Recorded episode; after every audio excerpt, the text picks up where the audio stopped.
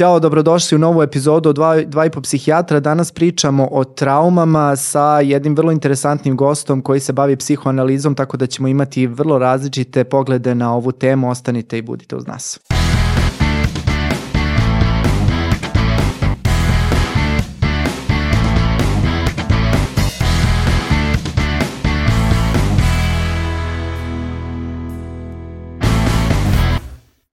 Dakle, kao što sam rekao u najavi, sa nama je danas Aleksandar Dimitrijević, on je klinički psiholog, e, trenutno radi na psihoanalitičkom, e, Međunarodnom psihoanalitičkom univerzitetu u Berlinu. E, da nešto malo samo kažemo, da znamo, da znate sa kim razgovaramo danas, dakle, Aleksandar je neko ko je ceo, svoj, ceo svoju univerzitetsku, univerzitetsko obrazovanje i psihoanalitičko obrazovanje završio u Srbiji, nakon toga je počeo da radi u Berlinu i ovaj, povodom povodom uh, jednog predavanja je došao u Beograd i mi smo se odlučili da ga pozovemo u dva i po psihijatra, tako da smo mnogo radosni što je danas sa nama. Tako da, uh, Aleksandre, prvo da ti poželim dobrodošlicu u naš podcast. Hvala ti što si prihvatio uopšte da dođeš i da malo pričamo ovaj, na neke različite teme i da počnemo razgovor time kako psihijatri uopšte vole i da kažu kako si. Hvala na pozivu, jako mi je drago što, što sam s vama i što ćemo razgovarati. Uh, Inače sam dobro, dugo, jako dugo nisam bio dve nedelje u Beogradu i sreo sam puno dragih ljudi, mogu da putujem i evo konferencija, sreo sam kolege, neke koje nisam video dugo, tako da prilično uzbudljivo. Uzbudljivije verovatno nego vama dvojici. Da, da, da, ne znam za Mihajla, meni je poprilično uzbudljivo da pričam Jeste. s tobom, moram da priznam. Jeste, bojica smo ovaj, jako srećni i uzbuđeni, tako da Da. Nemamo alat da merimo sad. To, to je više uzbuđeno. A, pre nego što ovaj pre nego što počnemo sa sa temama, uh, moram da kažem da smo Mihajlo i ja dugo razgovarali o tome uh, na šta bismo volili da se fokusiramo i ono što je uh, bio najveći najveća potražnja u smislu komentara ljudi bilo sa YouTubea, bilo sa drugih platformi, bilo iz naše okoline, bilo je to to da se malo više pojasni pojam traume. Mi smo imali jednu epizodu u kojoj smo pričali o traumama koje su izazvane nekim katastrofičnim događajima, međutim to ljudima u ovom trenutku nije bilo baš nešto pretarano blisko zato što nismo bili izloženi većim katastrofama osim, osim COVID pandemije o kojoj se dosta pričalo.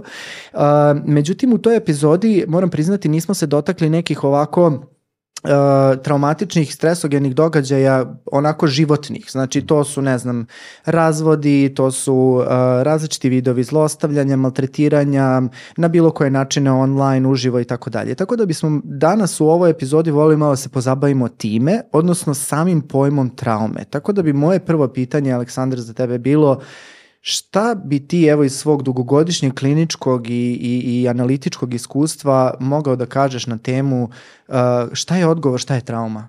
Hmm. Vesela tema za početak i mm, jednostavna. Da. uh, trauma ima više različitih vrsta, više različitih tipova traume. Eto, vi ste jednu već pokrili. Ima tih stvari koje nam se dešavaju zato što ima nekih događaja koji su potpuno van naše kontrole i nemaju nikakve veze s drugim ljudima. Zemljotresi, onaj užasni tsunami pre nekoliko godina i slične stvari. To je strašno, neki ljudi poginu, neki ljudi izgube najbliže, ljudi izgube sve što su ikada posjedovali, ali to nam pada manje teško nego kada imamo svest o tome da neka druga osoba ili neka druga grupa namerno, planirano želi da me uništi. Mm -hmm. Znači, kada postoji u nama bilo kakav osjećaj, ma, ma, možda čak i nedovoljno ili potpuno svesno artikulisan, da postoji namera da me neko uništi, to nam pada neuporedivo teže.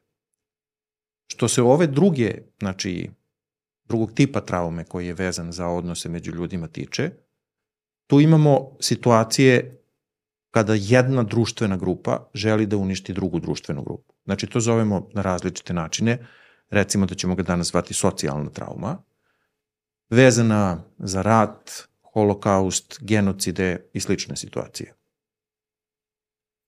I to je kao što se mnogi ljudi ovde, na ovom mestu gde sad mi sedimo, toga sećaju, to nije bilo uopšte tako davno.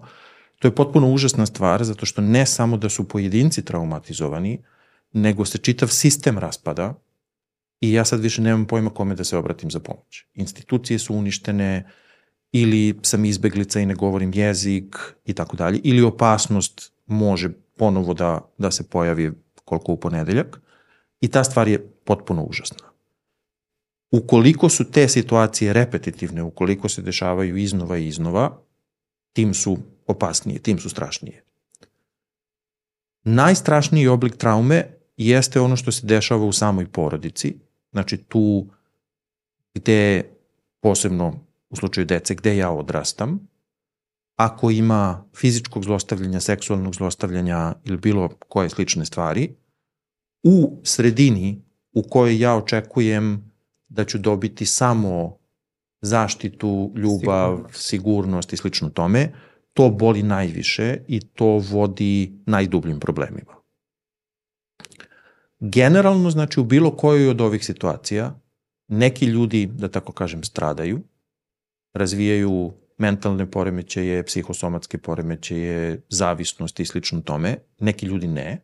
Mi imamo neke ideje o tome zašto, zašto neki da, zašto neki ne, ali trauma je generalno ono nepovoljno, bolno iskustvo koje je toliko intenzivno da ono preplavljuje sve moje kapacitete da se nekako držim na okupu, da ostanem integrisan, da mogu nekome da kažem šta me muči, da mogu nekome da kažem, da mogu nekako da artikulišem svoju bol. Ako mi ta, mi to obično zovemo tu instancu ja, ako ona je dovoljno krhka, da ili je trauma dovoljno strašna, da me slomi, onda možemo govoriti o tome da se radi o poremećaju povezanom sa traumom i slično tome. Trauma se naravno danas, kao verovatno i sve drugi reči, koristi prečesto i za najrazličitije stvari koje se pre 20 ili 50 godina uopšte nisu tretirali mnogo ozbiljno, danas se govori da su traumatične, tako da ima neke inflacije u korišćenju tog termina. Eto, to je nekako, kako da mhm. kažem, prvo što mi pada na pamet. Možemo, mislim, Mene baš to, to na kraju ovaj zanima, uh mhm. -huh. što si rekao vezano za preterano korišćenje, s obzirom uh mhm. -huh. da se sad koristi ovaj trauma i sad, e, šta onda činiti zato što ako nek, sad ljudi kažu ja sam istraumiran zbog toga i toga i navode razne razloge i sad ako mi kao neki davalci pomoći kažemo e pa to nije trauma, opet može zvučati nekako neosetljivo mm. i, i poništavajuće, a opet je važno da uh, i ljudi budu dobro obavešteni i da ne koriste termine koje, koji nisu potpuno precizni. Ali Čini moram... mi se da se da. stres da. i trauma kao reči uh mhm. -huh. prilično koriste uh mhm. -huh. onako interchangeable bez onako neke dovoljno precizne distinkcije šta je šta. Da, moram da kažem da se u tolikoj meri koriste i čini mi se da je to sve više i više, da ja čujem u svakodnevnom govoru, znaš, istraumiran sam današnjim cenama.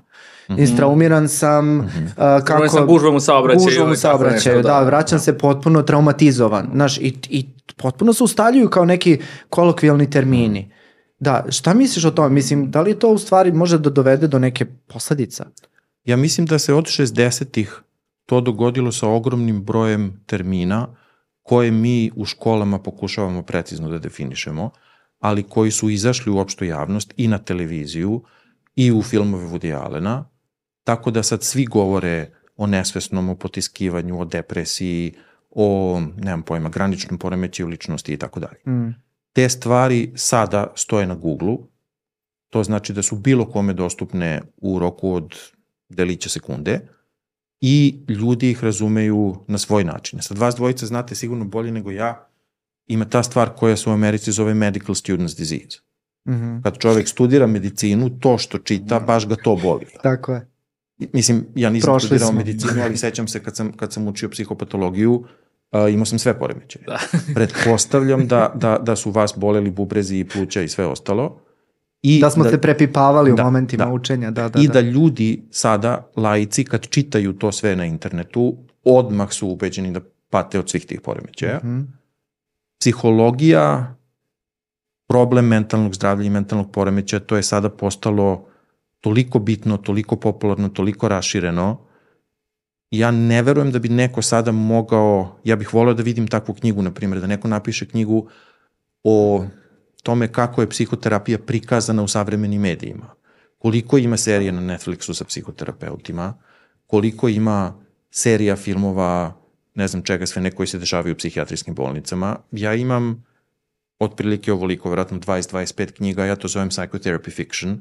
Znači sad nema ko ne piše knjige priča izmišljenih o psihoterapiji. Ljudima je to iz nekog razloga neverovatno zanimljivo i trauma se našla u tome. To je jedna od stvari, mm. ja mislim, koje, koje plivaju u tom moru.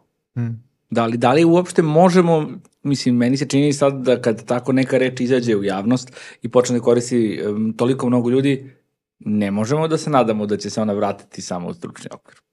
Pa mi nemamo, ja mislim, nikakvu kontrolu na tim. Da. Mi možemo svaki put kad imamo priliku da se obratimo javnosti, da podsjetimo na definicije, ograničenja i probleme. A sad šta će ljudi s tim raditi, to je izvan naše kontrole.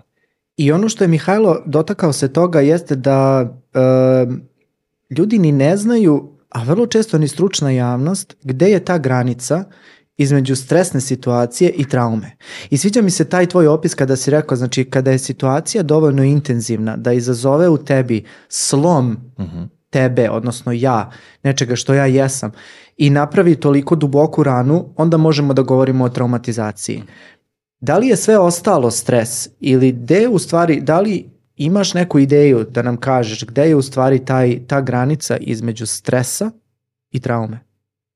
Ja, ja bih samo volio da kažem u par rečenica, ja mislim da taj isti problem postoji sa najvećim brojem termina koji se tiču mentalnog zdravlja, psihijatrije, mhm. psihologije, mm -hmm. posebno psihoanalize. Kako ih jasno definisati, razgraničiti, kako to da jedna osoba ih koristi na jedan način, na druga na drugačiji. To, to je sve užasno često. Što se tiče stresa i traume, ja bih rekao ovako, mislim da je to jednostavno, a da nije potpuno pogrešno. Ako imate osjećaj da su vam neprekidno cipele dva broja manje i užasno žuljaju i ne umete da smislite kako da ih skinete i kako da nađete neke koje su vaše veličine, ja mislim da je to stres. Mm -hmm. Ako vas kao u crtanom filmu ili u Monty Pythonu tresne neki ogroman čekić po glavi i makar na nekoliko sekundi ste potpuno izgubili svest ili ste ono ostali fleka na podu, to je trauma. Mm. Fenomenalno, jako mi se da, sviđa da. taj opis. Do sad, ovo mi je možda najbolji opis koji sam čuo, ja sam, moram priznati, slušao u dosta navrata Gabora Matea, koji e, se takođe bavi traumom i sad je izdao knjigu koju bih i preporučio. Sad mislim da nema na srpskom jeziku, još nema uvek zove se da. The Myth of Normal, normal da. da. I upravo priča o traumama i on nekako pravi paralelu sa fizičkom ranom i on kaže da je ovaj trauma u stvari fizička rana, odnosno kao fizička rana, odnosno fizička povreda koja e, nije adekvatno zarasla i da e, u stvari to je nešto što nosimo kroz ceo život i svaki put kada je neko pipne uh, ponovo, ponovo nam se vraća taj isti bol koji smo osetili u trenutku povređivanja. I ovaj, možda bi eto to samo bila nadogradnja na to što si ti rekao kako, da. kako bi u stvari stvorili traume. Ali ono što sam takođe video pripremajući za, za ovu emisiju, a što moram priznati nisam znao da postoji kao koncept stvarno u literaturi, to je pojam mikrotraume i makrotraume. Znači mi onda sad počinjemo da gradiramo uh mhm. -huh. i traumatično iskustvo kao tako na neku, uh, da kažem, manje intenzivnu, srednju ili mhm. tešku kategoriju traume što ne znam sad da li nam je uopšte u kliničkom radu od pomoći, ali ja ne znam nekog smisla. Vaš dvoj, vas dvojica imate. Ja mislim da čega god sad da se dotaknete u ovoj našoj oblasti, tu se vrlo lako stvori jedna industrija. Svet je veliki i vrlo brzo će se oko bilo kog problema, koncepta, ljudske patnje, bilo čega, naći 10.000 ljudi mm. koji moraju da zarade svoje plate, doktorate, i tako dalje i tako dalje. I onda će se pojaviti milion mm. detalja koji su nama izuzetno zanimljivi. Kako se Melanie Klein razlikuje od Donalda Winnicota ili ovo ili ono, mm -hmm. što u krajnjoj liniji ja mislim više šteti u kliničkom radu nego što koristi. Ja za ove, ove dva termina koje se sad pomenuo nikad nisam čuo, tako da, da, da stvarno mm -hmm. ne mhm. znam, ali po mom uverenju što manje koristimo stručne termine, što se manje skrivamo, ja mislim, iza literature, autoriteta, titula i takvih stvari, a što smo više u neposrednom kontaktu sa bolnim iskustvima osobe sa kojom razgovaramo, tim bolje. Slažem se i dodao bih e, kad postoji ta jedna obsesija za gradiranjem, za nekako davanjem neke numeričke vrednosti svemu, mislim da je što manje to radimo, nekako što manje pokušamo ljudsko iskustvo da stavimo u neke kockice koje smo mi osmislili da bismo lakše ti, time rukovali, to smo opet bliži da, da sa nekim čovekom, odnosno našim klijentom, pacijentom, e, doživimo njegovo iskustvo i da mu pomognemo. Znači, postoji to ljudska, ljud, normalno ljudski da mi hoćemo da kategorizujemo sve i da pokušavamo da, da. spakujemo sve na neke, na neke stvari koje su nam neko logične, lako povezive, ali suština je da je ljudsko iskustvo suviše kompleksno za takvu neku vrstu sistematizacije. Deca u ranom razvoju prvo uočavaju razlike, pa tek onda nauče da uočavaju sličnosti. Tako da nema nikakve dileme, nama kategorije pomažu da organizujemo svet. Ali ja mislim da smo mi poslednjih decenija obsednutiji brojevima nego što su ljudi ikad da. ranije bili. Ljudi nisu imali, nije postoje, postojala sekundara do kraja 19. veka. Nikom nije palo na pamet meri sekundu. Mi smo sad potpuno obsednuti rangiranjem rangiranjem deset svega. najboljih da, da. slika u istoriji da. čovečanstva da, da. ili nemam pojma. Mislim, prilično besmisleno. Da, ali to nekako i pravi tu industriju, onda da. ljudi se, vrlo da. se pale na to, kako da. da kažem, ja ne znam da li smo kupili, da ste kupili i kada je jedan časopis da nije bilo top 10 nečeg. Da. Pa jeste, ali da. mislim ne mogu da kažem i da neko ja osjećam uticaj toga, ja volim da pravim, na primjer, liste najboljih filmova iz te godine koje sam gledao i to radim svake godine, ili na primjer najboljih albuma koje sam slušao i to mislim nekako radim obsesivno, ali bez nekog ideje sad zašto je sad to meni tako važno, samo je to prosto nekako ovaj, budeš uvučen u to i I onda dolaziš iz tog svakodnevnog sveta u klinički svet mm. gde ti ne možeš da objasniš nešto što se nekome dešava, ne, vrlo često ne možeš da povežeš sa sobom, znači ne razumeš vrlo često, mislim na nekom ličnom nivou i onda imaš potrebu da to gradiraš, da numerišeš, da, da, da staviš ta, neku etiketu, da, da staviš nešto. Da li to trauma jačine 6,3 ili jačine da. 8,7? Zamisli još nešto u vezi s tim. Znači sada mi verujemo da mentalni poremećaj, znači ovo je sad ovde depresija, pa zid pa je ovo drugi mentalni poremećaj, pa zid, pa ima svaki poremećaj ima svoju fiolu. Ljudi su ranije mislili i sada poneko misli da postoje dimenzije gde se mi svi nalazimo negde na toj dimenziji. Svi smo tužni do izvesne mere, samo su neki ljudi toliko tužni da im treba pomoć zbog toga. Mm -hmm.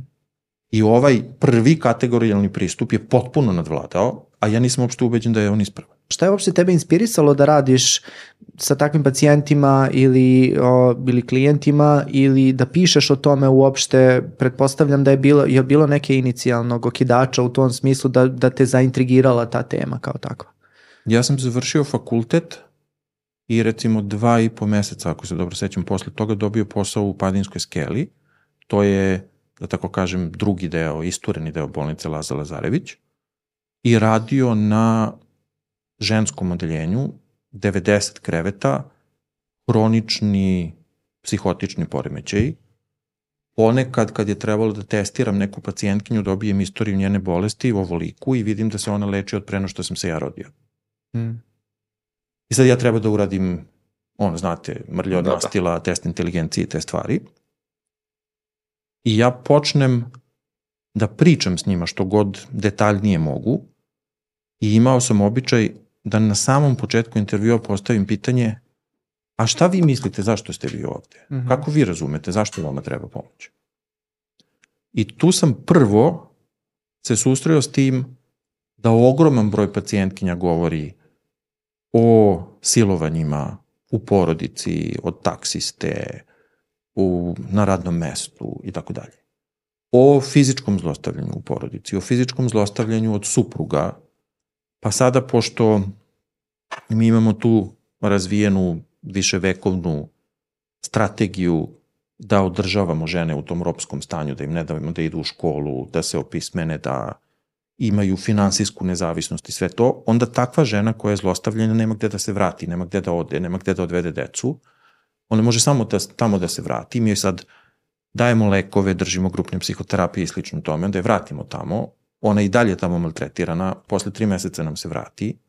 To meni uopšte nije delovalo kao da mi to možemo da rešimo samo psihološki ili samo psihijatrijski.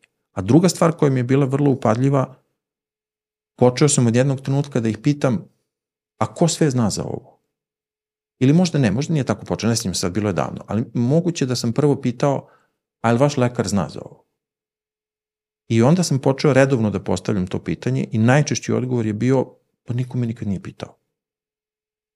Tako da sam se susreo s tim da su ta traumatska iskustva izgleda užasno raširena i pritom se sve vreme skrivaju. Pritom postoji nekakav prećutni dogovor da o tome niko ni sa kim ne priča. Uh, I drago mi je da si to rekao jer je upravo to bilo moje sledeće pitanje. Dakle, mislim da je to negde i dvosmerna ulica. Slažem se da često iz plejade simptoma sa kojim pacijent dolazi nekada zanemarimo i ne pitamo neke ključne stvari. I to je naša krivica. Sa druge strane, uh, postoji uh, i, i čak i da pitamo, nećemo dobiti takav da. odgovor na da. prvu loptu vrlo da. često. I negde se postaje pitanje da li to uopšte i treba pitati pri prvom razgovoru i tako dalje, ali dobro. E, I sada dolazimo do tog koncepta uopšte što je u stvari i negde pripada i kliničkoj slici uh, posttraumatskog iskustva, a to je taj sram mhm. koji se javlja. Znači sram i krivica mhm. kao dva mhm. glavna obeležja posttraumatskog iskustva, gde imamo potpuno jedan uh, uh, preplavljujući sram osobe zbog situacije koja se desila. Što je meni fascinantno, jer uh, radim dosta sa decom koja su traumatizovana. Mm.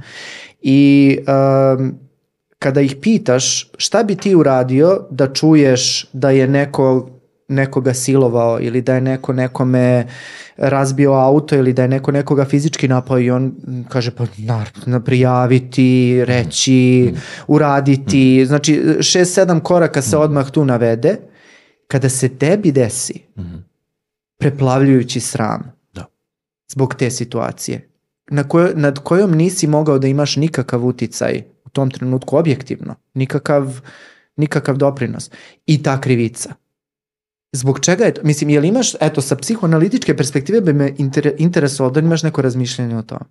Ja mislim da ima užasno mnogo potencijalnih odgovora. Ne vrem da je jedan njih konačan. Verovatno je to kao i uvek kombinacija ogromnog broja različitih faktora. Posebno ja mislim u slučajevima vrlo mlade dece, dece prečkolskog uzrasta. Takve situacije se dešavaju kao što sam malo čas kratko pomenuo obično unutar odnosa vezanosti. Postoji neka figura koja je za mene izvor svega onoga što mi treba, svega onoga što me štiti i što mi pomaže da, da se razvijam. I sad, ne znam kako, kako je to najlakše dočarati. Ja obično kažem studentima, ne razmišljajte o tome da odrasli imaju profesije, govore strane jezike i slično tome. Iz perspektive deteta, roditelj ume da zakopča košulju ume da opere zube, ume da pogodi usta kašikom, a da ništa ne prolije. I ti kad imaš dve i po godine, tebi to deluje kao potpuno nedostižno. Onog trenutka kad ta ista osoba počinje potpuno neplanirano, vrati se večeras s posla pijan i počne da me tuče. I ne postoji nikakav način da se ta situacija poveže sa mojim prethodnim iskustvom ili da se bilo kako objasni dete ima, ja mislim, izbor između toga da poveruje moj otac, moja majka, deda, stric, bilo ko, nije tako dobar, nije tako savršen, nije mi takva zaštita, nije mi takav izvor ljubavi kao što sam do danas mislio. Ali ako proba to da sebi prizna kad ima 3 godine ili kad ima 7 godina, svet se raspao. Zaštite posle toga nema ni otkuda jednostavnija opcija, bezbolnija opcija je za dete da kaže, verovatno nesvesno, da sebi kaže mora biti da nešto nije u redu sa mnom. Mm -hmm. Mogu da preživim bez svog uma, ali ne mogu da preživim bez svojih roditelja. Mm -hmm. Zato što ne mogu da preživim bez svojih roditelja, žrtvovaću svoj um. Mm -hmm. I onda, verovatno ima više opcija, dve koje su meni pale na pamet. Ja ili pomislim da ima nešto užasno zlo u meni kad ja provociram ovakve stvari u drugim ljudima i onda se napunim krivicom. Ili pretpostavim, mislim, ovo je sve jezik odraslih, to sigurno ne funkcioniše tako u umu deteta. Mora biti da sam potpuno lud kad haluciniram ovakve stvari. Ni jedno ni drugo nikad neću rado podeliti ni sa kim na svetu. To će zauvek ostati moja tajna, ona će me voditi u užasnu usamljenost, u užasnu socijalnu izolaciju, ja neću razviti socijalne veštine neophodne za razmenu sa drugim ljudima i ja mislim da je to put ka mentalnom poremećaju. A kad kažeš osoba uh, mora da sam lud ako haluciniram, ja pretpostavljam na šta misliš, mhm. -huh. ali uh, možeš samo, samo da pojasniš na šta si konkretno mislio kada je trauma u pitanju? Mislim, ne znam da li, da, da. Se, ne znam da li bojica radite na dečim, ali pretpostavljam ja da, aha, ja, da, da, da, pretpostavljam ja. da si ti mnogo puta čuo to da deca, u stvari i odrasli pacijenti govore o tome, da deca preuzimaju krivicu na sebe. Da neko neko dete tuče ili siluje ili ono, ne znam kako mi kažemo, bullying u školi, uh -huh. dete vrlo lako preuzima krivicu na sebe.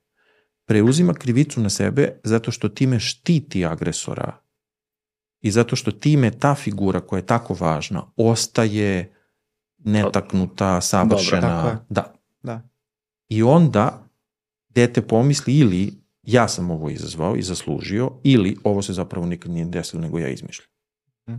Ako mene otac tuče, a ja se požalim majci, a majka kaže, ajde čuti, nije se to nikad ni desilo, ili majka kaže, ajde čuti, znaš šta je meni moj otac radio, ja onda nemam nikakav oslonac za to da kažem da, ovo mora da prestane. Ja da. ovo nisam zaslužio. A, ali hoću da te pitam samo s obzirom da smo mi u prošloj epizodi kad smo pričali o traumama govorili o tome kako socijalna sredina može da ima jako bitan faktor u oporavljanju od traume. Ali istovremeno nekako sam posle toga razmišljao koliko socijalna sredina može da ima uh, efekat u pogoršavanju samog traume i tog osjećaja krivice. I kada neko detetu kaže jeste, uh, što si se tako loše ponašao, moralo je nekako to da se završi, da te neko prebije ili da te neko, ne znam, nija baci od nekle Ili kada kažu ženi ono što je najčešće uh, i što viđam i dan danas, što je meni i dalje neverovatno i potpuno nespojivo sa modernim svetom, da kada uh, se vidi devojka silovana, ne znam, tu i tu, na takav i takav brutalan način i onda vidiš uh, gomilu komentara koji, znači, i dan danas postoje. Um, što je bila tu? Šta zašto je, šta radi tu, žensko tako. dete bez roditelja u miniću u 11 sati uveče i tako dalje. Znači, da li uh, uticaj socijalne sredine u stvari pogorš, može da, užasno da pogorša taj osjećaj krivice i taj osjećaj uh, preplavljujućeg srama o kom pričam? Ja mislim da, da je taj uticaj zapravo presudan. Da, da. Mi vidimo sada ima, ima sve više i više empirijskih istraživanja koje pokazuju da ima jedan važan faktor. To je kako si došao do traumatske situacije. Znači sada ima studija gde, recimo poslednji za koje ja znam u Holandiji, je psihološki ispitan ogroman broj ljudi, nekoliko godina kasnije, neki su doživali traumatska iskustva, neki nisu, pratimo ove koji jesu, da vidimo da li će razviti mentalni poremećaj ili ne. To ne zavisi od prirode traumatskog iskustva, to zavisi od toga kako ste psihološki funkcionisali pre toga. To je jedna izuzetno važna stvar. To kako smo psihološki funkcionisali pre toga suštinski zavisi naravno od socijalne sredine. Ali druga stvar koja je važnija jeste kad sam ja traumatizovan, da li mi neko veruje, da li mi neko pruža podršku, u slučaju deteta, da li mi neko pomaže da naučim kako o tome da govorim, da li mi neko pomaže da poverujem da to jeste istina i da to mora da prestane i da tu nešto mora da se promeni, ili me učutkuju, ili da komšije ne bi čule, da u školi ne bi bilo problema, ili šta god drugo, ne sme da se o tome govori, žrtva mora da ćuti i svedoci moraju da ćute. I kad čovek počne to da posmatra, ja sam nažalost to radio poslednjih godinu i godinu i po dana, pročito sam brdo materijala o tim mračnim temama, ti mehanizmi učutkivanja su svuda. Od cenzure sa vrha države do toga da u svakom razredu i u svakoj porodici i u svakoj instituciji vezanoj za mentalno zdravlje postoje mehanizmi pomoću kojih mi učutkujemo izrazito inteligentnu decu da ne postavljaju previše pitanja na časovima, žene da ne govore o ženskim pravima, pacijente da ne govore, da sami ne kažu šta oni misle da im treba i nedostaje i tako dalje i tako dalje. I ja mislim da je to presudni faktor. Da li će mi neko pomoći da artikulišem svoju bol ili će me neko učutkivati tako da ja sad to nosim unutar sebe, ne znam kako da se toga otarasim, ali ne mogu da ga, mislim, to neće ispariti samo od sebe. Mm -hmm a s druge strane, ko je od nas učio šta se s tim radi? taj socijalni efekt je toliko snažan i to objašnjava da u stvari tu situaciju sa velikim, velikom količinom srama i krivice, da se vidi i kod odraslih traumatizovanih ljudi koji prvi put dožive traumatsku situaciju u odraslom slučaju, recimo žrtve silovanja mi padaju prve na pamet, da. gde nema te dinamike s roditeljima, ali celo društvo se onda shvata kao neko koje nije dovoljno kao roditelj. bezbedno kao roditelj, celo društvo onda kao roditelj koji nije dovoljno bezbedno i zaštićujuć i da, da li onda možda, možda se kaže da u stvari radije bi pristao da nije nešto ni u redu sa mnom, nego da je da. celo društvo u stvari loše. Jer kakav svet u kom ja živim, da, da. da može ovo da mi se desi, to je opet neko bolnija, mm. bolnija u stvari opcija. Da. Kod odraslih ljudi takođe, ja ne mogu biti jači od celog društva. Ako svi kažu tako, mora biti da oni znaju. A ovo stvarno možda i najgori deo posla. Ja moram priznati da mi je teško, uh, teško mi je da, rad, da radim u psihijatriji za, sa mnogim stvarima, ali čini mi se sa ovaj deo posla koji se tiče zlostavljanja i traumatizacije možda najteži. A, tu kada... je, ja mislim, ta bol koju, mm. koju ljudi nose najočiglednije. Da. Naj, naj... Najopipljivija. Da, najdirektniji je kontakt s njom. Mm. Nije toliko posredovana simptomima. Um, moram samo dve stvari da kažem. Dakle, uh, drago mi je da si se dotakao tog fenomena učutkivanja, jer ti upravo radiš na jednoj mm. knjizi koja se time bavi, a mm. možeš nešto više samo o tome da nam kažeš? Pa ja sa jednim kolegom sa, sa tog univerziteta na kome sad radim u Berlinu, s kojim inače već neko vreme pišem i, i, i priređujem knjige zajedno, sada radim na nečemu što bi trebalo da ima tri toma i što će se na engleskom zvati hearing silencing, znači kako čuti učutkivanje. I mi bi sad, kroz par nedelja, trebalo da pošaljemo uh, izdavaču rukopis prvog toma, koji se odnosi baš na oblike. Aha. I tu ima poglavlja koja se tiču toga, recimo, seansi porodične terapije, pa se tu pokazuje gde su ti oblici učutkivanja očigledniji. Ima uh, Gail Hornstein iz Massachusettsa sa, sa Mount Holyoke College-a, i napisala tekst o tome kako je učutkivan glas pacijenata kroz istoriju psihijatrije, kako decenijama, mislim, vrlo moguće i danas, u učbenicima psihijatrije manje više nikad ne piše šta su pacijenti hteli o tome da kažu. Mm -hmm. Uprkos Foucault i mm -hmm. uh, Mad Pride movement i sličnim stvarima. Ima tekstova o cenzuri um, tipa čuveni, da tako kažem, sovjetski pesnik Mandelštam, je bio napisao jednu pesmu protiv Staljina, koju nikad nije zapisao, nego je kad nekog sretne na ulici, on mu šapne uvo, Mm -hmm. I, na primjer, kad je Pasternak u tako bio šapnu uvo, Pasternak mu je rekao, ja ovo nikad nisam čuo, ti ovo nikad nisi rekao. Neko je negde tokom mučenja u Lubjanki progovorio i Mandelštem je zbog toga uhapšen i zbog toga poslat u Sibir. Mm -hmm. I tu se vidi da postoje, recimo, jedan mehanizam koji je meni bio upečatljiv jer je vanredno surov. Stalin, na primjer, nikada nije, da tako kažem, direktno napao Ahmatovu. Samo je poslao muža i sina u Sibir. Posle toga ona više ne sme da napiše ili pokuša da objavi pesmu koja je na bilo koji način kritički intonirana, ona mora da počne da piše ode Stalin. I to postoji na različitim nivoima. Ja sam napisao jedan tekst, mislim kako da kažem, ja verujem svako mora počne čisti od svog dvorišta, o istoriji psihoanalize u kojoj postoji taj kult Freuda kao nekog, ne znam kako da kažem, proroka. Koji Mesija. Da, koji, ne, još više od toga. Mesija. To je, da, to je jedna pseudo-religijska organizacija, mm. posebno u početku, i u prepisci između Freuda i Junga se koriste te reči prorok, mesija i slično tome. I kad Freud nešto napiše, to niko ne testira. Mm -hmm. To se odmah prihvata kao istina. Apsolutna istina, da. Tipa, ta besmislena ideja o nagonu smrti, za koju ne postoji nikakav empirijski dokaz, um, to logički ništa ne stoji, ali evo skoro 100 godina ljudi to prate.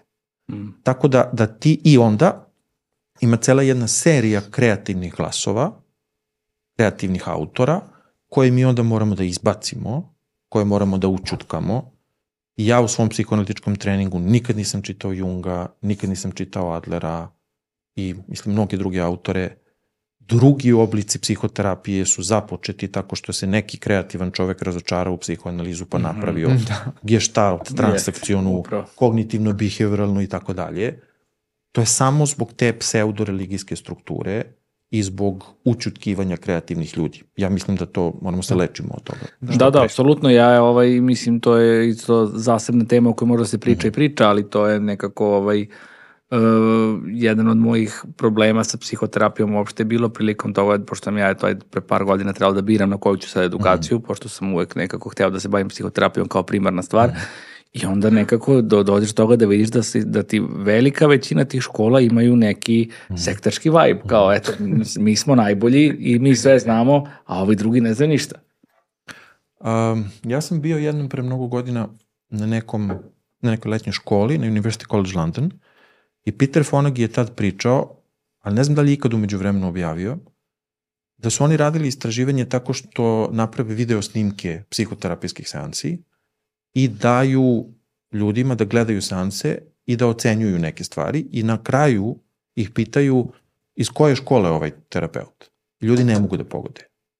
U konkretnom kliničkom radu, kad mhm. slušaš tu osobu, najčešće ne može da se pogodi. Mislim, tako je on tad pričao. Ja, ja nisam nisam imao prilike da posmetram seanse. A ko je pogađao? Običan narod ili... Ne, ne, ne, psiholozi. A psiholozi, aha, aha, iz struke. Stručni ljudi, da, da, da. Da. Pa dobro, da to je Mislim, iznenađuje me da radim taj eksperiment, ali me ne, ne iznenađuje toliko rezultat. Da. To mislim da nisu mogli da pogode. Ovo, ovo je da- sad, kako da kažem, ovo je sad hearsay. Da, znači, da, da. Ja, ja nisam čitao taj tekst, samo sam čuo to od njega na predavanju. Druga stvar koja je važna, svi istraživači psihoterapije imaju isti problem kad pitaju ljude, jel možemo da snimimo vašu seansu da bismo ovo posle analizirali? Pacijenti pristaju neuporedivo lakše nego psihoterapeuti. Po svemu sudeći kad radimo s ljudima, razlike su mm. neuporedivo manje nego kad pišemo tekstove i kad se svađamo na konferenciji. Mm. Da. Uh, samo moram da se vratim uh, jedan korak nazad, sviđa mi se što smo krenuli da pričamo o psihoterapiji, jer nam to dosta fali sada u ovom podcastu i mislim da je pravo vreme, ali moram samo da naglasim da sam se jednom trenutku bavio tim fenomenom čutanja, učutkivanja, I radili smo jedno malo istraživanje, to je bilo za potrebe nekog kongresa, kao ajde da uradimo nešto vezano za naš uzorak za zlostavljenu decu. Ja sam tada dobio podatak da je prosečno vreme čutanja između uh, traumatske situacije koja se uh, najčešće vezivala za fizičko, seksualno i emocionalno nasilje i do momenta do kad je to žrtva izgovorila je bilo dve godine. Mm -hmm. To je bio prosek. Mhm. Znači išlo je od 10 godina do ne znam nija par meseci što je za mene u tom trenutku bilo toliko poražavajuće da ja prosto mislim da mi je bilo preteško da nastavim da se bavim mm. time i nisam produbljivao dalje to istraživanje. I kada mi se u stvari vratila e, želja da nastavim da se bavim time, moram da kažem, znači jedna vrlo banalna situacija, znači u, u jednom trenutku slučajno upalim jednu seriju na Netflixu koja se zove Unbelievable nova serija bi izašla pre par meseci, možda i da duže, samo sam i ja video pre par meseci, gde se govori o jednoj seksualno zlostavljanoj devojčici ali to zlostavljanje za razliku od drugih serija nije stavljeno u prvi plan, nego je u prvom planu cele te serije jedna retraumatizacija njena od strane sistema. I ta retraum, ne samo retraumatizacija, nego i nametanje sistemskog učut tkivanja o kome si ti pričao, znači e, kako se ta priča ne bi dalje e, ne bi dalje produbljivala. Bilo na nivou sistema, bilo na nivou uh, trenutne njene situacije, bilo na nivou društva i bilo, znači gde onda dolazi do toga da devojčica u, u odbrani, sad spoiler alert za sve koji žele da gledaju, ali ona koja u jednom trenutku kreće da menja priču da bi se spasla jer nije, ne znam više šta da kaže i potpuno se kompromituje mm u nekom smislu i po, nastaje potpuni haos, fijasko. Znači mm. niko više ti ne veruje, ti si ono obeležen i lažeš i tako dalje. I to, na, I to je tako dobro na, napravljeno i napisano da je meni taj fenomen učutkivanja sada možda nešto primarno mm. čime želim da se bavim i jako se radujem to tvojoj knjizi koja, ovaj, koja treba da izađe. A kad smo pričali o psihoterapiji, Zanima me, a, da li si konkretno radio ti sa, sa žrtvama a, traumatizovanim, žrt, traumatizovanim ljudima i ovaj, kakav je to utisak na tebe ostavilo? Ja nisam nikad radio ni u, ni u jednoj bolnici ili službi koja je bila fokusirana na to, osim toga što sam u psihijatrijskoj bolnici video, odnosno razgovarao sa velikim brojem pacijenata koji su to pominjali, ali u privatnoj praksi to se dešava, kako da kažem, manje više svakodnevno. Tako je. Ja sad radim u Berlinu, tako da, da, da radim 95% posla mi je na engleskom i imam pacijente baš bukvalno iz celog sveta. Znači sad što mi prvo pada na pamet imam jednu pacijentkinju koja je došla iz Sirije zbog rata, bivši momak joj je tri puta uhapšen i umro u zatvoru i slično tome. Imam jednog pacijenta iz Engleske koji odrastu u Jehovinim svedocima. To je meni bilo potpuno nepoznata grupa ili kako da kažem. Nis, ne bih nikad prepostavio da, da jedno dete tako odrasta u toj grupi. Imam vrlo teške situacije pošto gotovo uvek imam u superviziji po jednu osobu iz Turske. Šta znači supervizija? Izvin, samo pa psihoterapijs, aha, izvinjam se. da. Znači, u, u psihoterapijskoj edukaciji postoji, postoji taj aspekt da ljudi rade sa pacijentima, a neko ko je već omatorio im pomaže, ukazuje, mm -hmm. podržava i tako dalje. To, to zovemo supervizija. I ja imam utisak sada, recimo, da se ta situacija dramatično menja kako, kako idete sa juga na sever Evrope. Turska ima u vestima četiri, kako mi to kažemo, četiri ubistva u braku, četiri slučaja porodičnog nasilja koji do, dođu do ubistva svake sedmice. I sad kako idete ka Skandinaviji, pacijenti koji dolaze odatle se žale, ja imam 30 godina, otac mi nije ni pet puta zagrali u životu. Znači to ide od nekog potpuno neobuzdanog nasilja ka nekoj hladnoći, da, distanci, da, nekoj je... užasnoj hladnoći i distanci i svega sam se nagledao i naslušao. Znači, devojčica, mislim devojčica, mlada žena od, na primjer, 22 godine, koja je dobila ime po svojoj tetki, koju je kad je ova imala 14 godina, neki provalnik silovao i zaklao. I to ime je sada, kako da kažem, užasno opterećenje. Ima, ima takvih, kako bih rekao, krajnje neobičnih priča, mm -hmm to što se u literaturi zove transgeneracijski prenos, znači mm. neka trauma se desi jednoj generaciji, obično druga generacija odčuti i treća generacija onda počinje ponovo da pati ili treća generacija daje psihoterapeute. To, da. Da vas to zbunjuje? Ne zbunjuje. Da, da. da. Ima potpuno smisla, to hoću da, da kažem. Apsolutno. Ima, ima puno sada istraživanja, ima, ima jedna knjiga sa intervjuima sa decom čuvenih psihijatara, ima puno studija, sve više studija gde se intervjuišu psihoterapeuti da pričaju o svojim životima i svojim odrastanjima, to nipošto nije slučajan izbor profesije. Ja studentima kažem, ako niste postali psihoterapeuti pre polaska u osnovnu školu, sad je kasno da vam ja pomognem. Teo sam samo da kažem, da, da, da, da završim tu misao o transgeneracijskom. Kad čovek počne da radi u psihoterapijskoj praksi, ja verujem da je to iskustvo ogromnog broja kolega, te priče odjednom postaju manje više svakodnevica. I ti s vremenom vidiš da nešto neku osobu muči i ta osoba uopšte ne može da shvati otkud to dolazi i posle mnogo vremena mi razumemo da je najčešće jedna generacija verovala da ako čutimo o onome što je bilo strašno, time štitimo svoju decu i unuke. Mm. Ne moramo čak ni da lažemo, ali dovoljno je da ćutimo ili da mm. šapućemo. Ne znam, na primjer, da li ste videli taj film Afterwards se zove. To je napravila žena koja je iz Izraela, psihoanalitičarka u Njujorku, uh, Ofra Bloch, i to je film o tome kako ona počinje da dolazi u Nemačku i počinje da razgovara sa Nemcima sa jednim neonacistom, sa jednim čovekom koji je otac bio SS oficir, pokušavajući da razume gde je sada mesto nje kao jevrejke koja živi u Njujorku, kako ona može da razume zašto su Nemci to uradili. I onda u jednom trenutku shvata da mora da ode u Palestinu i da sada razgovara sa ljudima koji nju doživljavaju kao nekoga ko je nosilac hmm. njihove patnje, koji je, ko je uzročnik njihove patnje. Ali ona opisuje nešto što je meni fascinantno zanimljivo. Ona je rođena otprilike 1950. I ona kaže kad je ona bila dete da su odrasli razgovarali tako što govore normalno, ali onda strašne reči šapuću. I oni kažu sad će doći stric, to je onaj iz Auschwitza. A onda će doći i ne znam taj. On je bio u Buchenwaldu. I kaže nekoliko dana nakon toga deca se igraju na ulici i imaju pesmicu. Sad ona kaže na engleskom A is for Auschwitz, B is for Buchenwald, C is for crematorium, D is for Dachau. Deca odmah čuju i pokupe, nemaju pojma šta je to, pretvaraju ga u pesmicu, ali to živi s njima mm. na neki bizaran način, da, da. Ali čutanje ne vodi tome da, da stvari isparavaju i da nestaju.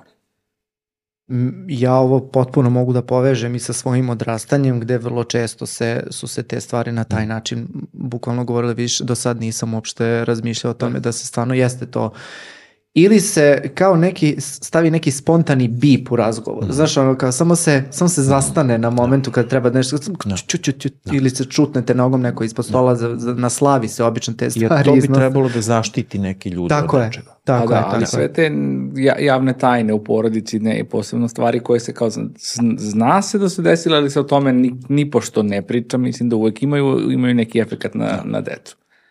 Nema, nema boljeg filma, verovatno, mislim, ako mene neko pita, nego što je Tajne i laži Majka Lija, gde se upravo to pokazuje, kako se jedna porodica potpuno oblikovala oko laži, kako ta laž koja je prećutana postaje srž oko koje se sve drugo oblikuje narednih decenija. I tu je upravo ono uh, o čemu smo na početku i pričali, znači kada, kada pričamo o traumi, to je kao jedna velika rana oko koje se sve organizuje. Znači tu padnemo jedno ožiljno tkivo pa se organizuje sad i to neko zapaljenje i tako mislim sad govorim u, preze, o, ona, u prenesenom značenju, ali bukvalno u nekim situacijama kada je trauma dovoljno jaka i desila se dovoljno rano, ceo život osobe i ceo njen unutrašnji svet se oko toga organizuje. E upravo to se onda moguće dešava i u porodici, da se kao, evo kao neko ko je na edukaciji iz porodične terapije, e, postoji jedna posebna, e, poseban segment edukacije koji se tiče porodičnih tajni. Mm -hmm. Kako se u stvari porodice organizuju oko porodične tajne i koliko one u stvari moći nose za samu porodicu, ali ne samo za, za porodicu kao sistem, kao celinu, nego na svakog pojedinca i obično to neka najslabija karika, obično je to dete, ponese simptome nečega čega što, mm. o čemu se ne govori. Znači, bude ta osoba koja, za koju se zapravo sve to svali. Mislim da se izabrani pacijent to zvalo ranije. Da. Izabrani pacijent. Da. I indeks pacijent, tako da. se, da. Teo sam samo da kažem, vi ste opet obojica lekari, možda ja grešim sad u ovoj svojoj metafori, ali to što si rekao o rani, ja mislim da je to moguće samo ako tu ranu niko nije otvorio mhm. -huh. i očistio i zašio. -huh. Znači, problem nije u tome da se rana desila, problem je u tome da je niko nije, radio, da, da, da je niko nije tretirao i izlečio. Da, da. Uh -huh. Ako mi osjećamo da je preteško slušati o traumi, ako Mislim, ja se sećam toga iz vremena kad sam radio u psihijatrijskoj bolnici. Lekari vrlo često u ambulanti imaju 35 pregleda za jedan dan. I tu ne treba očekivati da taj čovek može, mislim, ili žena, može da sluša 35 ličnih bolnih priča. To je potpuno neizvodljivo. Ali to je presudna stvar. Šta ćemo uraditi s tim? Da, slažem se. Ne, Veliko ja pitanje razmišljam o tome kako živimo u nekom suludom ovaj, društvu koje je puno nekih polariteta i sasvim ono, različitih ekstrema, gde s jedne strane, evo mi neko pričamo o toliko ima u učutkivanju koja je bila velika tema sad za nas i pričamo koliko je značajno, s druge strane mi imamo eto u filmovima nekako se, kad se pominje psihijatrija i psihoterapija, mislim da postoji jedan od najčešćih uh, zabluda je upravo ta da se uvek krije neka strašna trauma iza, nekog, iza nekih psiholoških simptoma ili problema i da je to bilo isto pod uticajem ovaj, i samih početaka psihoanalize, ali u filmovima kad gledamo neku ovaj, šta se dešava i terapija i sve uglavnom se desi da je bila neka velika trauma koja je zaboravljena i koja se otkriva i onda da opet imamo ljude koji s jedne strane Znači su učutkivani, a s druge strane postoji u opšte, opšte populaciji jedno lažno uverenje da su, ako imaš neke psihičke smetnje, sigurno da se nešto nekad strašno desilo. Mislim, eto, to, je, to mi je eto, interesantno, te dve potpuno jedne suprotstavljene ovaj, e, pozicije koje su dva, dva potpuno, potpuno ekstremna gledišta na sve to. Da, a zar nije? Mislim, kako ja ti kažem, ja vrlo često ovaj, e, u, u, u, u ambulanti, kad pričam tako sa pacijentima i kad imam malo više vremena da se posvetim, uh, uvek spontano nekako težim ka tome da, da, da vidim šta je to u stvari što je bilo okidač. Ako nema okidača, onda je to možda još i veći problem. A dobro, da, ali, ali mislim da, da, ne mora okidač biti neka dramatična stvar, znači da. kao neko veliko zlostavljanje, upravo neke su, mnogo subtilnije manje stvari. A za, u, uopšte ne, da, uopšte ne razgovaramo o tome, znači uh, gledamo o tome kako je ta osoba to doživela. Znači, uh, to što ja sad meni, uh, uh, ne znam, nedostatak, uh, nedostatak para u nekom segmentu života nije velika trauma, nekome to može da bude velika trauma. Znači sama subjektivna percepcija osobe i to je ono uh, što mislim da ljudi ne razumeju i drago mi je što si to rekao. Dakle, ne mora da bude velika dramatična situacija poput zemljotresa, silovanja, zlostavljanja ili bilo čega drugog da bi bilo na isti način traumatična za neku osobu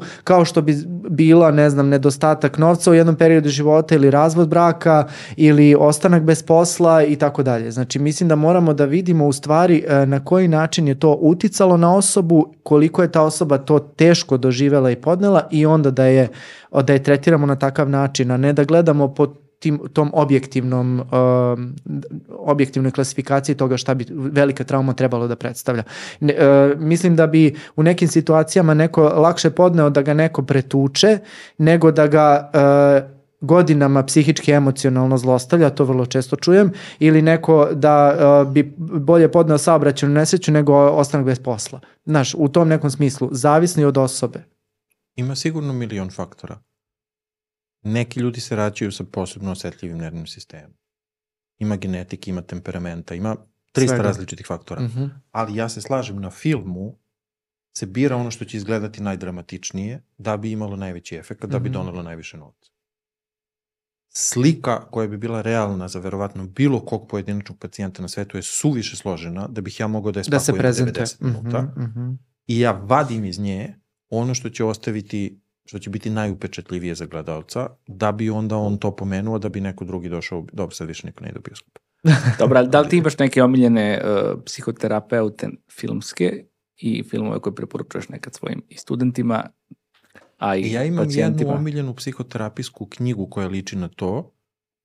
To je, jako je, jako je nezgodan naslov na srpskom, to je Schopenhauer's Porcupines. To su, Porcupine je bodljikavo prase. To je knjiga koleginica koja se zove Debora Lupnic, ona živi u Filadelfiji, to je pet priča o njenom radu sa pacijentima, pojedincima i porodicama i posebno zanimljivo, on radi sa beskućnicima u Filadelfiji, neki od njih joj plaćaju seanse 1 dolar i nemaju gde da žive i nemaju gde da se istuširaju, ali dolaze na psihoanalizu. I meni je ta knjiga mnogo zanimljivija, recimo od Jalume i sličnih stvari. Prva knjiga te vrste je meni isto jako zanimljiva, Lindner, 50 Minute Hour, to je iz 50. neke godine, taj čovjek je umro jako mlad i ta knjiga nikad nije postala mnogo popularna. A film... Ja sam iz nekih možda malo drugačijih razloga voleo tursku seriju o psihoterapeutima. To je ono jedini put da sam gledao nešto tursko u životu. Ne znam da ste to videli na Netflixu. Ne. Ne znam čak ni kako bi se to zvalo. Piše se kao, kao grčka reč ethos. E-T-H-O-S. I to je osam epizoda od dve psihoterapeutkinje koje rade u centru Istambula i jedna kaže drugo u jednom trenutku da one žive kao u akvarijumu. Evo, gledao sam to. Sad tog, se sećam, da. Kako da kažem, sekularnog, obrazovanog sveta koji priča strane jezike i putuje u inostranstvu, a njihovi pacijenti dolaze sa oboda grada, gde je 18. vek, 17. vek, tako da mi je taj aspekt bio vrlo zanimljiv. Ali ja mislim da je psihoterapija nekako, kako da kažem, fundamentalno za televiziju i za film dosadna. To traje i tu se mnogo mm. razgovara i tu se mnogo zajednički ćuti i onda pauze od nekoliko dana i onda razgovor o nekom snu.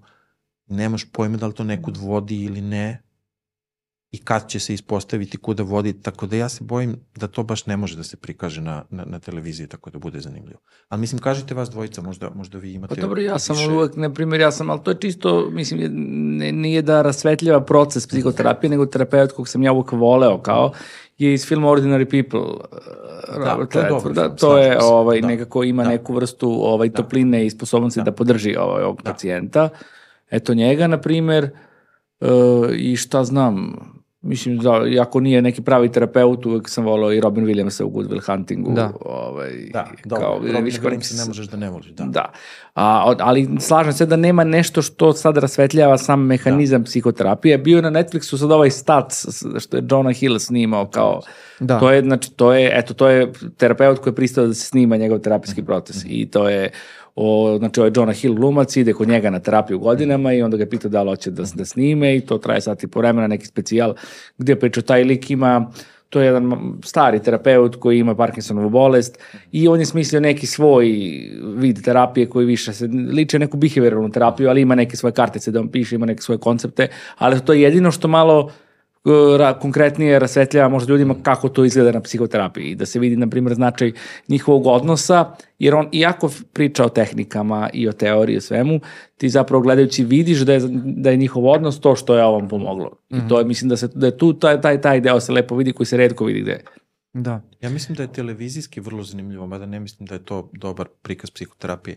Kad uh, soprano odlazi na psihoterapiju, mm -hmm. jo, jest. ja mislim da je to televizijski uzbudljivo. Veliki a, a, da. nije to kako da kažem, psihoterapija.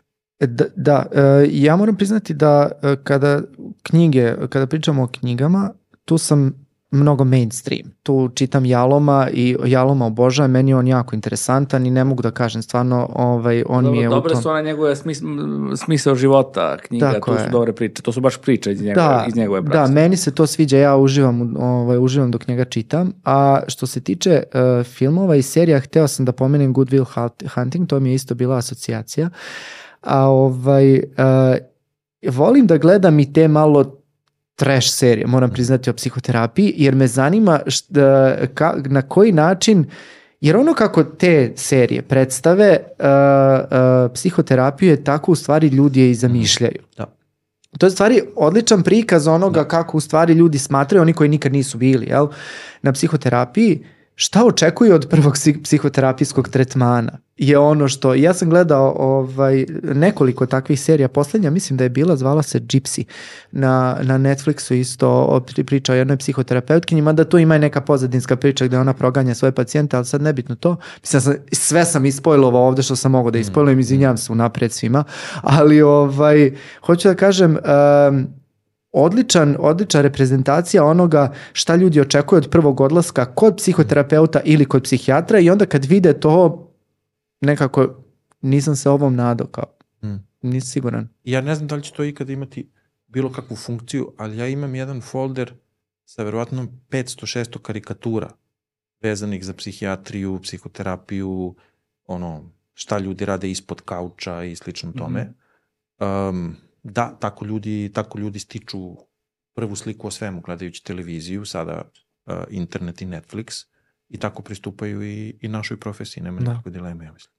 A, drago mi je da smo se sad dotakli toga šta u stvari terapija sve nije, uh, odnosno kako se predstavlja u medijima i kakve su u stvari kontraverze vezano za to i kako ljudi u stvari to percipiraju, ali evo iz ugla nekoga, s obzirom da nismo do sada imali um, ni jednog psihoanalitičara, mislim da je Vanja je bila, ali nije pričala o tome, ovaj, da nam kaže šta u stvari terapija jeste, za šta jeste i u konceptu traume u kom trenutku i kome osoba treba se poobrati za pomoć.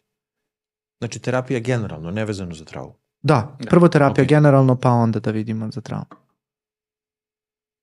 Dobro, ovo nije tako mračno kao ono od čega smo počeli, ali opet teško pitanje.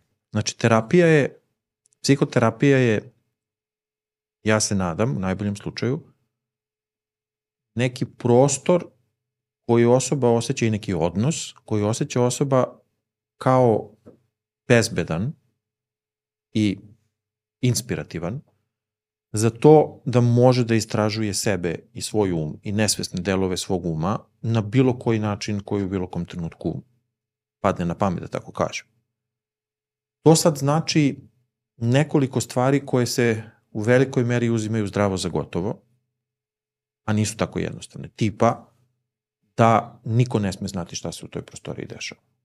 Znači da ne postoji mogućnost da neko čuje o čemu mi razgovaramo tokom seanse, da psihoterapeut nikome neće ispričati, to je posebno važno prilikom edukacije mladih kolega da, da se ne ogovaramo, da tako kažem.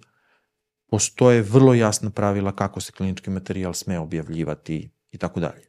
Drugo, da je psihoterapeut ne samo edukovan i sam, kako da kažem, prošao kroz ličnu analizu koje god da je, koje god školi da pripada, već da je to jedna visoko moralna osoba koja osetljivost i krhkost pacijenta neće zloupotrebiti na bilo koji način. I nažalost tu ima strašnih primjera iz istorije psihoterapije šta se sve dešavalo i, i uopšte, mislim, medicine, rada sa, sa ljudima koji su u, u teškim fazama svojih života. To takođe znači jednu ogromnu posvećenost psiho, psihoterapeuta tome da sve mora da zapamti, da kroz sve mora da prođe sa pacijentom, da je to jedna izrazito inspirativna, ali na trenutke vrlo teška profesija u kojoj dolazi do identifikacija, do poistovećenja, do saosećanja sa osobom koja govori o nekim stvarima koje su izrazito bolne i celog života su bile izrazito bolne. I to je neka prilika da dozvolimo pacijentu da govori potpuno na svoj način i da mu pomažemo u tome da nađe baš svoj način da izrazi baš svoju bol. Da mu ne namećemo diagnoze ili ono što radi s drugim pacijentima ili ono što je meni pomagalo kad sam bio u svojoj analizi i tako dalje, nego da probamo što je god otvorenije moguće da vidimo šta baš ovoj osobi pomaže. Sad, ja sam psihoanalitičar, ja sam bio u trening analizi godinama na kauču. Ja ne mogu zbog toga nametati kauč svakome na svetu, nekim ljudima ne treba. A šta to znači biti na kauču? Pa ono kao, kao na karikaturama i u, i u filmovima, znači dođeš na seansu. Baš bukvalno ko na slici. Ko na slici, legneš na kauč, tvoj analitičar sedi iza Iza, tebe, da. ti ga tokom seanse ne vidiš. Klasični analitičari, takvih verovatno ima i dalje, ali pre recimo 50 godina, su vrlo često tokom cele seanse progovarali jednu rečenicu, dve rečenice ili čak ništa. I tako 4-5 puta nedeljno. U Freudovo vreme Freud je radio 6 dana u nedelji i mnogi ljudi su imali jednu seansu prepodne, jednu seansu prepodne. Znači stotine seansi. U tom nekom što je slobodnije moguće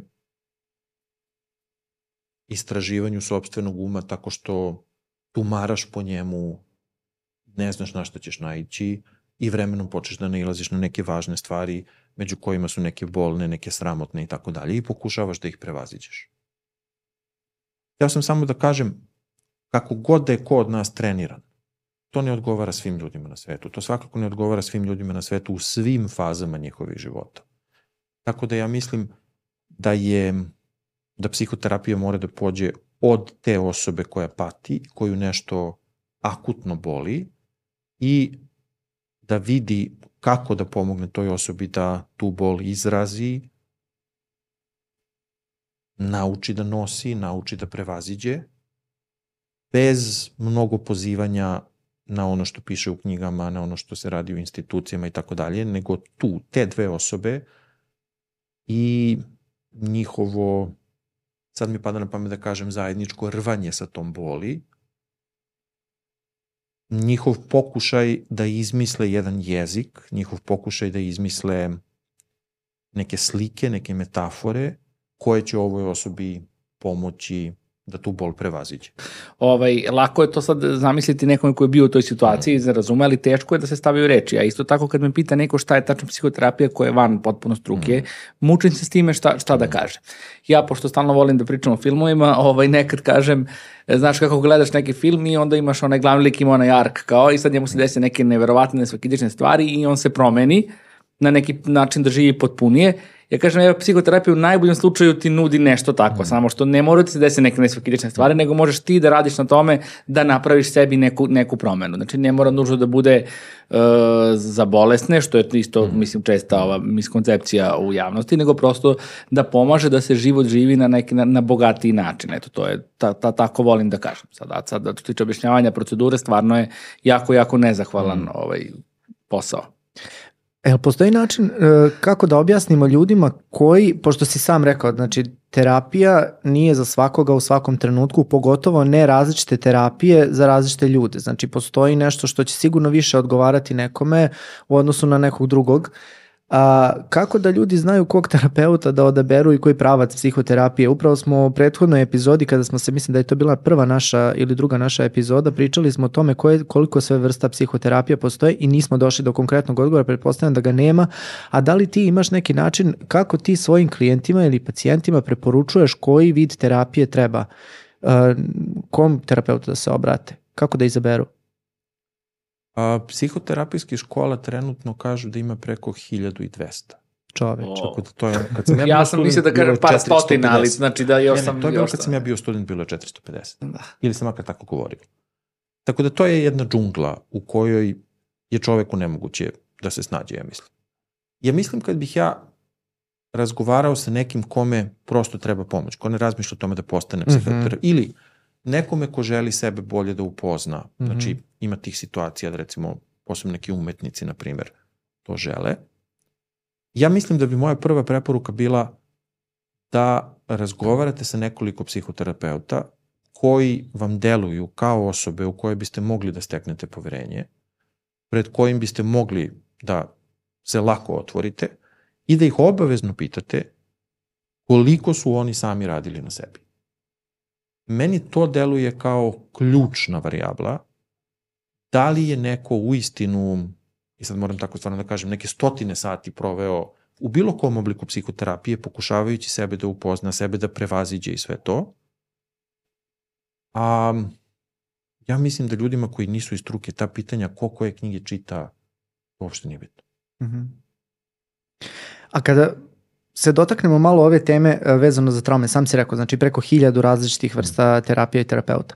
Ali uh, ono što nailazimo, pogotovo u poslednje vreme, imaju sad neke psihoterapije koje su specifične za neke posebne uh, za neke posebne događaje, posebne patologiju i tako dalje.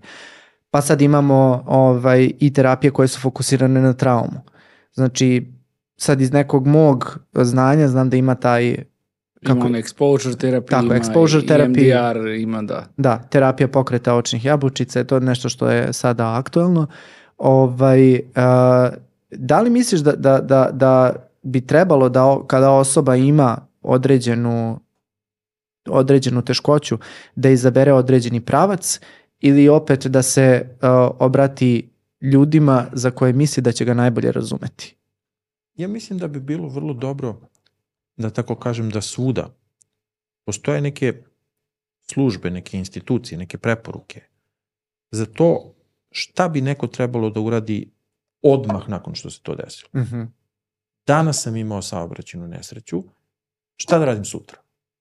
Ako je taj trenut i tu kratki tretmani, i mnogi su sada, mnogi imaju empirijske potvrde da pomažu ljudima i tako dalje, to može biti od pomoći. Ako je taj trenutak ispušten, ako govorim onome što sam ja pokušavao da opišem ranim traumama, uh -huh. koje sada susrećemo kod odraslih osoba, to je potrebno užasno mnogo vremena. Ne može, kako da kažem, mislim, meni je žao zbog toga, ja znam da bi mnogi ljudi voleli da im mnogo brže bude bolje i da dolaženje na psihoterapiju i cena psihoterapije, sve to opterećenje. Ali nešto što je neka bol koja stoji unutra, da tako kažem, kao neka kiselina koja razvijeda um iznutra, 25 godina ne može biti otklonjena za 16 seansi. Mm. Meni to deluje kao mm. očekivanje da postoje čarobni štapići. Mm.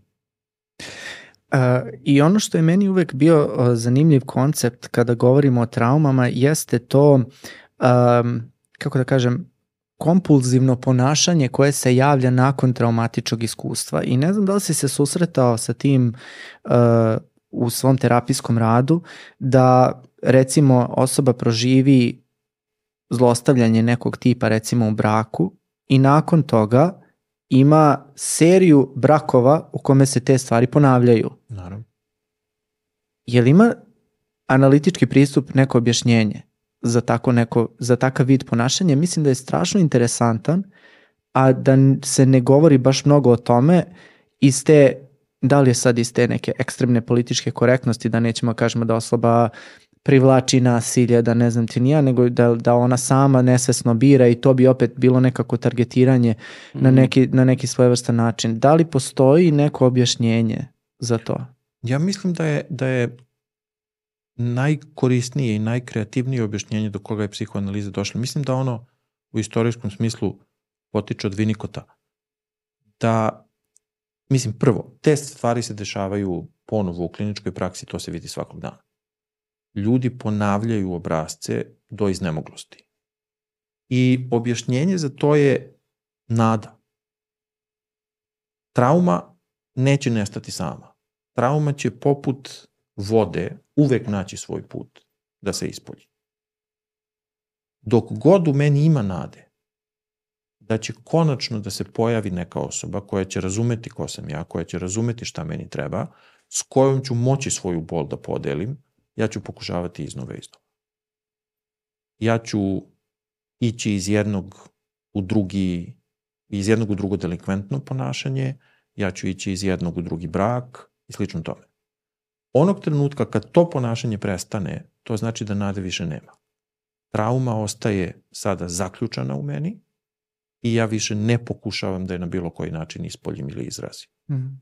Ali ponavljanje tih obrazaca koje se kod velikog broja ljudi sreće, mislim, verovatno svakog od nas na neki možda blaži način, je svakako povezano sa traumatskim iskustvima koja ne umemo da prevaziđemo i psihoterapija nekad u istinu može da pomogne nekim ljudima da takve stvari prevaziđu. Po mom iskustvu, lakše je nekome da nauči kako da ne ponavlja greške iz prošlosti nego da nauči kako da počne da zasniva potpuno novu vrstu odnosa. Mm -hmm. Mogu da naučim da se ne udajem za ljude koji će me tući, ali sad onaj sledeći korak. Za koga da se Za koga da se udam da. onda? Da. da. da. Taj, taj korak postaje onda teži. Kada sam se nešto malo bavio tom temom, nailazio sam na različite objašnjenja koja se poprilično naslanjaju na ovo što si ti rekao, a ona kažu da je to kao naš uh, uh, nesvesni mehanizam da rešimo nešto što je ostalo nerešeno u prošlosti, u nama. Znači taj naš nesvesni konflikt koji je ostao od ranije, da je to sada uh, uh, bukvalno spašavanje našeg mozga i pokušavanje da se izborimo s nečim sa, sa čim se nismo ranije izborili. To je jedno objašnjenje koje mi se svidelo, a drugo objašnjenje koje mi se svidelo jeste da uh, emocija uvek nadvladava logiku. Sa logičke perspektive mi nikada, mi bismo, evo kada nam neko kaže da je izabrao nakon zlostavljačke uh, veze ili braka opet da uđe u takav brak gde su postojali jasni indikatori da će to biti tako, to nama sa logičke perspektive nema nikakvog smisla. Međutim, s obzirom da e, emocija uvek može da nadvlada, nekako nesvesno se upuštamo u to pož, uh, želeći da rešimo taj konflikt. I svidio mi se jedna paralela uh, kada je ovaj, um, jedan psiholog uh, amerikanac, ne mogu sad da mu se setim imena, pokušavam sve vreme, kada kaže logički nikome nije, nema smisla da će osoba utrčati u zapaljenu zgradu. Znači to nema nikakvog smisla da će neko utrčati u požar. Ali ako je neko tamo koga volimo ili nešto za što smo čvrsto vezani, vrlo ćemo lako da se upustimo u tako rizičnu situaciju. I to je nešto što mi je baš bilo interesantno. Pa da, ja mislim mogu da dodam samo i sa, sa, sa moje meni poznatije geštaltističke perspektive kako se gleda ta, ta, na ta ponavljanja i sve. U geštaltu se svaka naša interakcija sa spoljnom sredinom, bilo to da druga osoba, bilo da neka situacija, gleda kroz nešto se zove ciklus kontakta, koji treba da prođe određene faze i poenta je da su da mi živimo kroz nešto što je stalno uh, interakcija, odnosno spajanje sa nečim i onda razdvajanje, gde mi zapravo ono što nam je hranljivo iz spolješnje sredine uzmemo i to integrišemo u našu ličnost, to postaje deo naše lične istorije i mi onda nastavljamo dalje kod e, ovaj, traumatičnih iskustva, kao što mogu da bude bilo koja vrsta zlostavljanja, dolazi do nekog, neke vrste zastoja u tom ciklusu kontakta jer taj događaj nije integrisan. I to je ono zbog čega imamo razne disocijativne simptome, bilo da je to u nekom težem obliku potpuno amnezije, bilo da je nekom lakšem jedno, uh, ono što obično vidimo kod posttraumatskih stanja, određena vrsta emocionalno tupelosti zajedno sa nekom razdražljivosti tim hiperarouzalom, da, znači to je neko iskustvo koje nije integrisano, nije prihvaćeno kao deo naše lične istorije i deo naše životne priče. I u najeto to nekako, mislim, asocirala si me na to zato što sa tim konceptom nade, jer neko dogod se održava ta iracionalna nada da se to može, da se ne na neki način poništi, mi smo zaglavljeni i ponavljamo onda to isto, to isto što se desilo. Tako da, nažalost, kako god bilo bolno, jedini način da se, da se ta, ta strašna stvar koja se desila prihvati kao deo na, naše životne priče i naše lične istorije i da prestanemo da, odnosno da ljudi prestanu da maštaju o tome da mogu da imaju bolju i lepšu prošlost. Ko to beš rekao? To, to je, to je, to je možda jalom isto i da je nešto najbitnija da se da, da, da najbitnija da odustanemo da, da, da. sna za lepšu mm. prošlost. Da, da. Ja sam da kažem samo kratko iz ugla istraživanja vezanosti. Mi znamo iz intervjuisanja sa odraslima da odrasli koji su imali nerazrešena traumatska iskustva, ne mogu u isto vreme da se sećaju da imaju osjećanja vezano za ta sećanja i da misle o tome. Mogu dva od ta tri ili samo jedan od ta tri. Ti šta ne mogu da se, da, da se sećaju? Sećanje, osjećanja i mišljenje, Aha, dva od tri. postaju desocirani.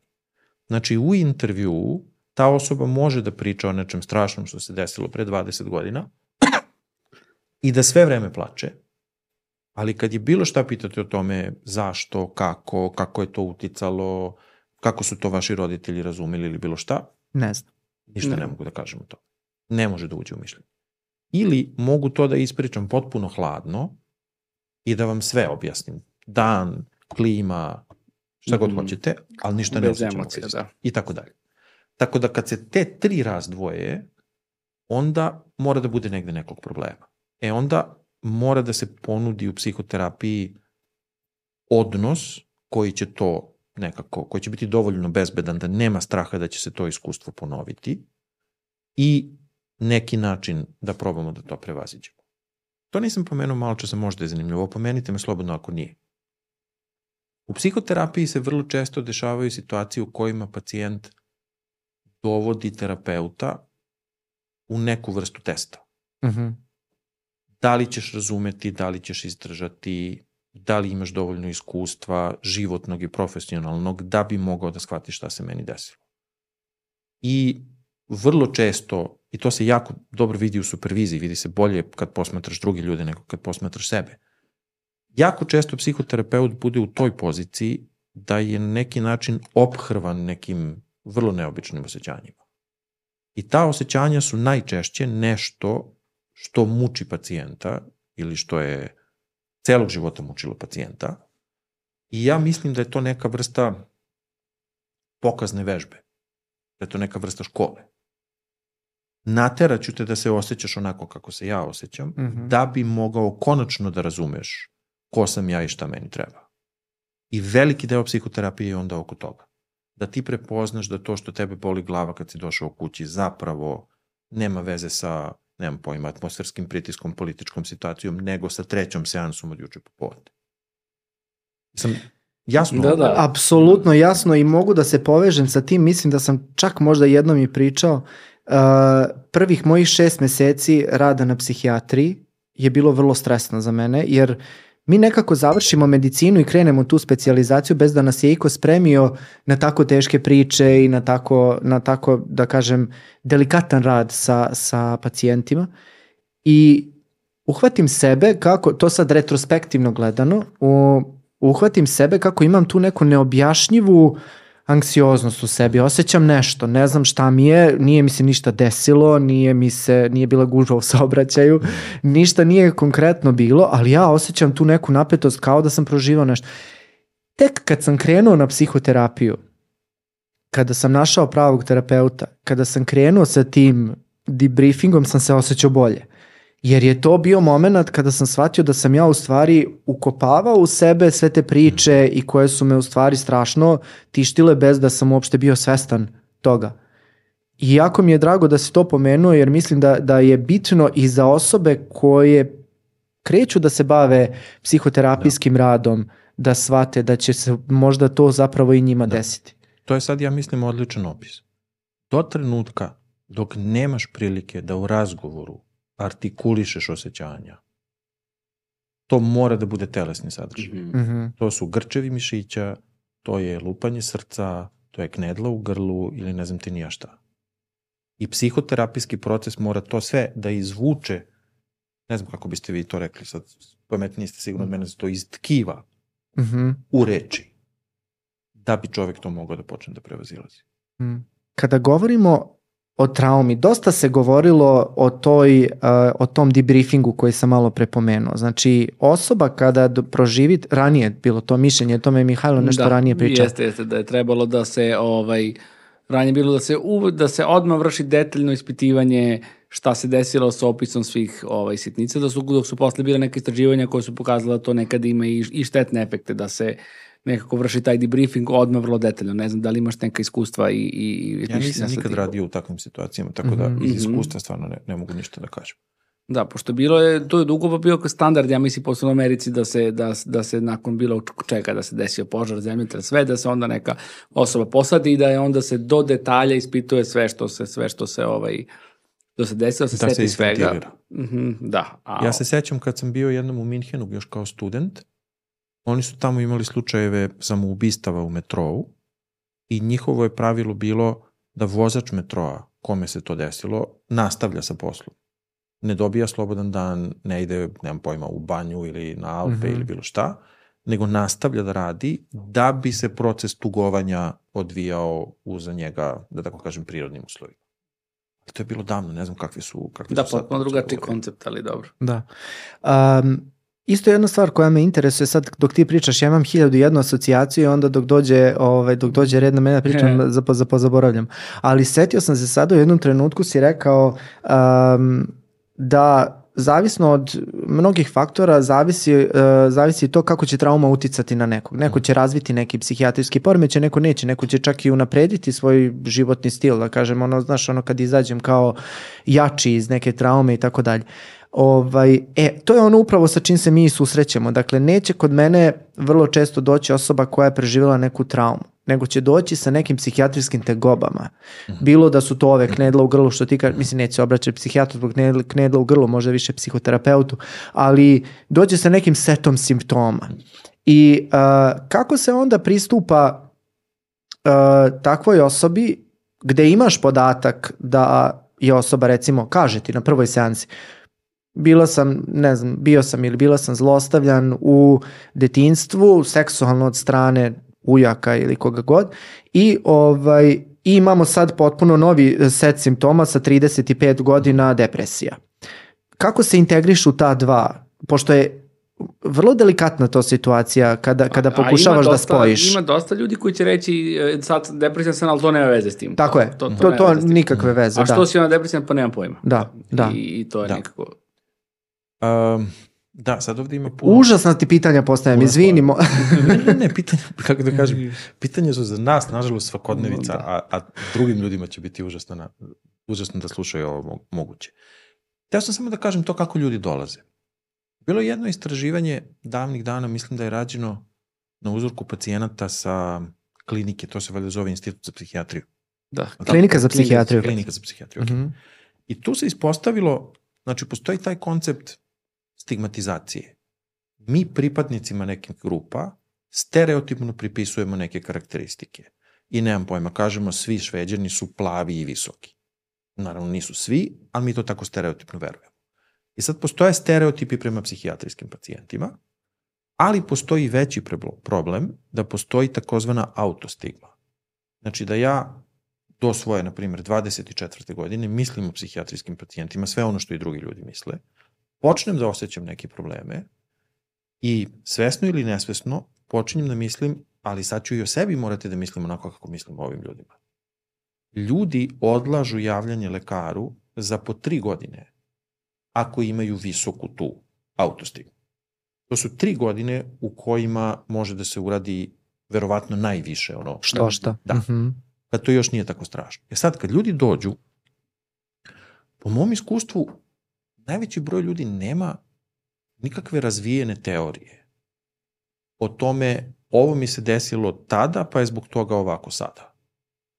Ljudi koji kod mene dolaze, a mislim sad nisam, nisam pravio nikakav pregled u glavi ranije, oni dolaze zato što ih nešto akutno u ovom trenutku muči.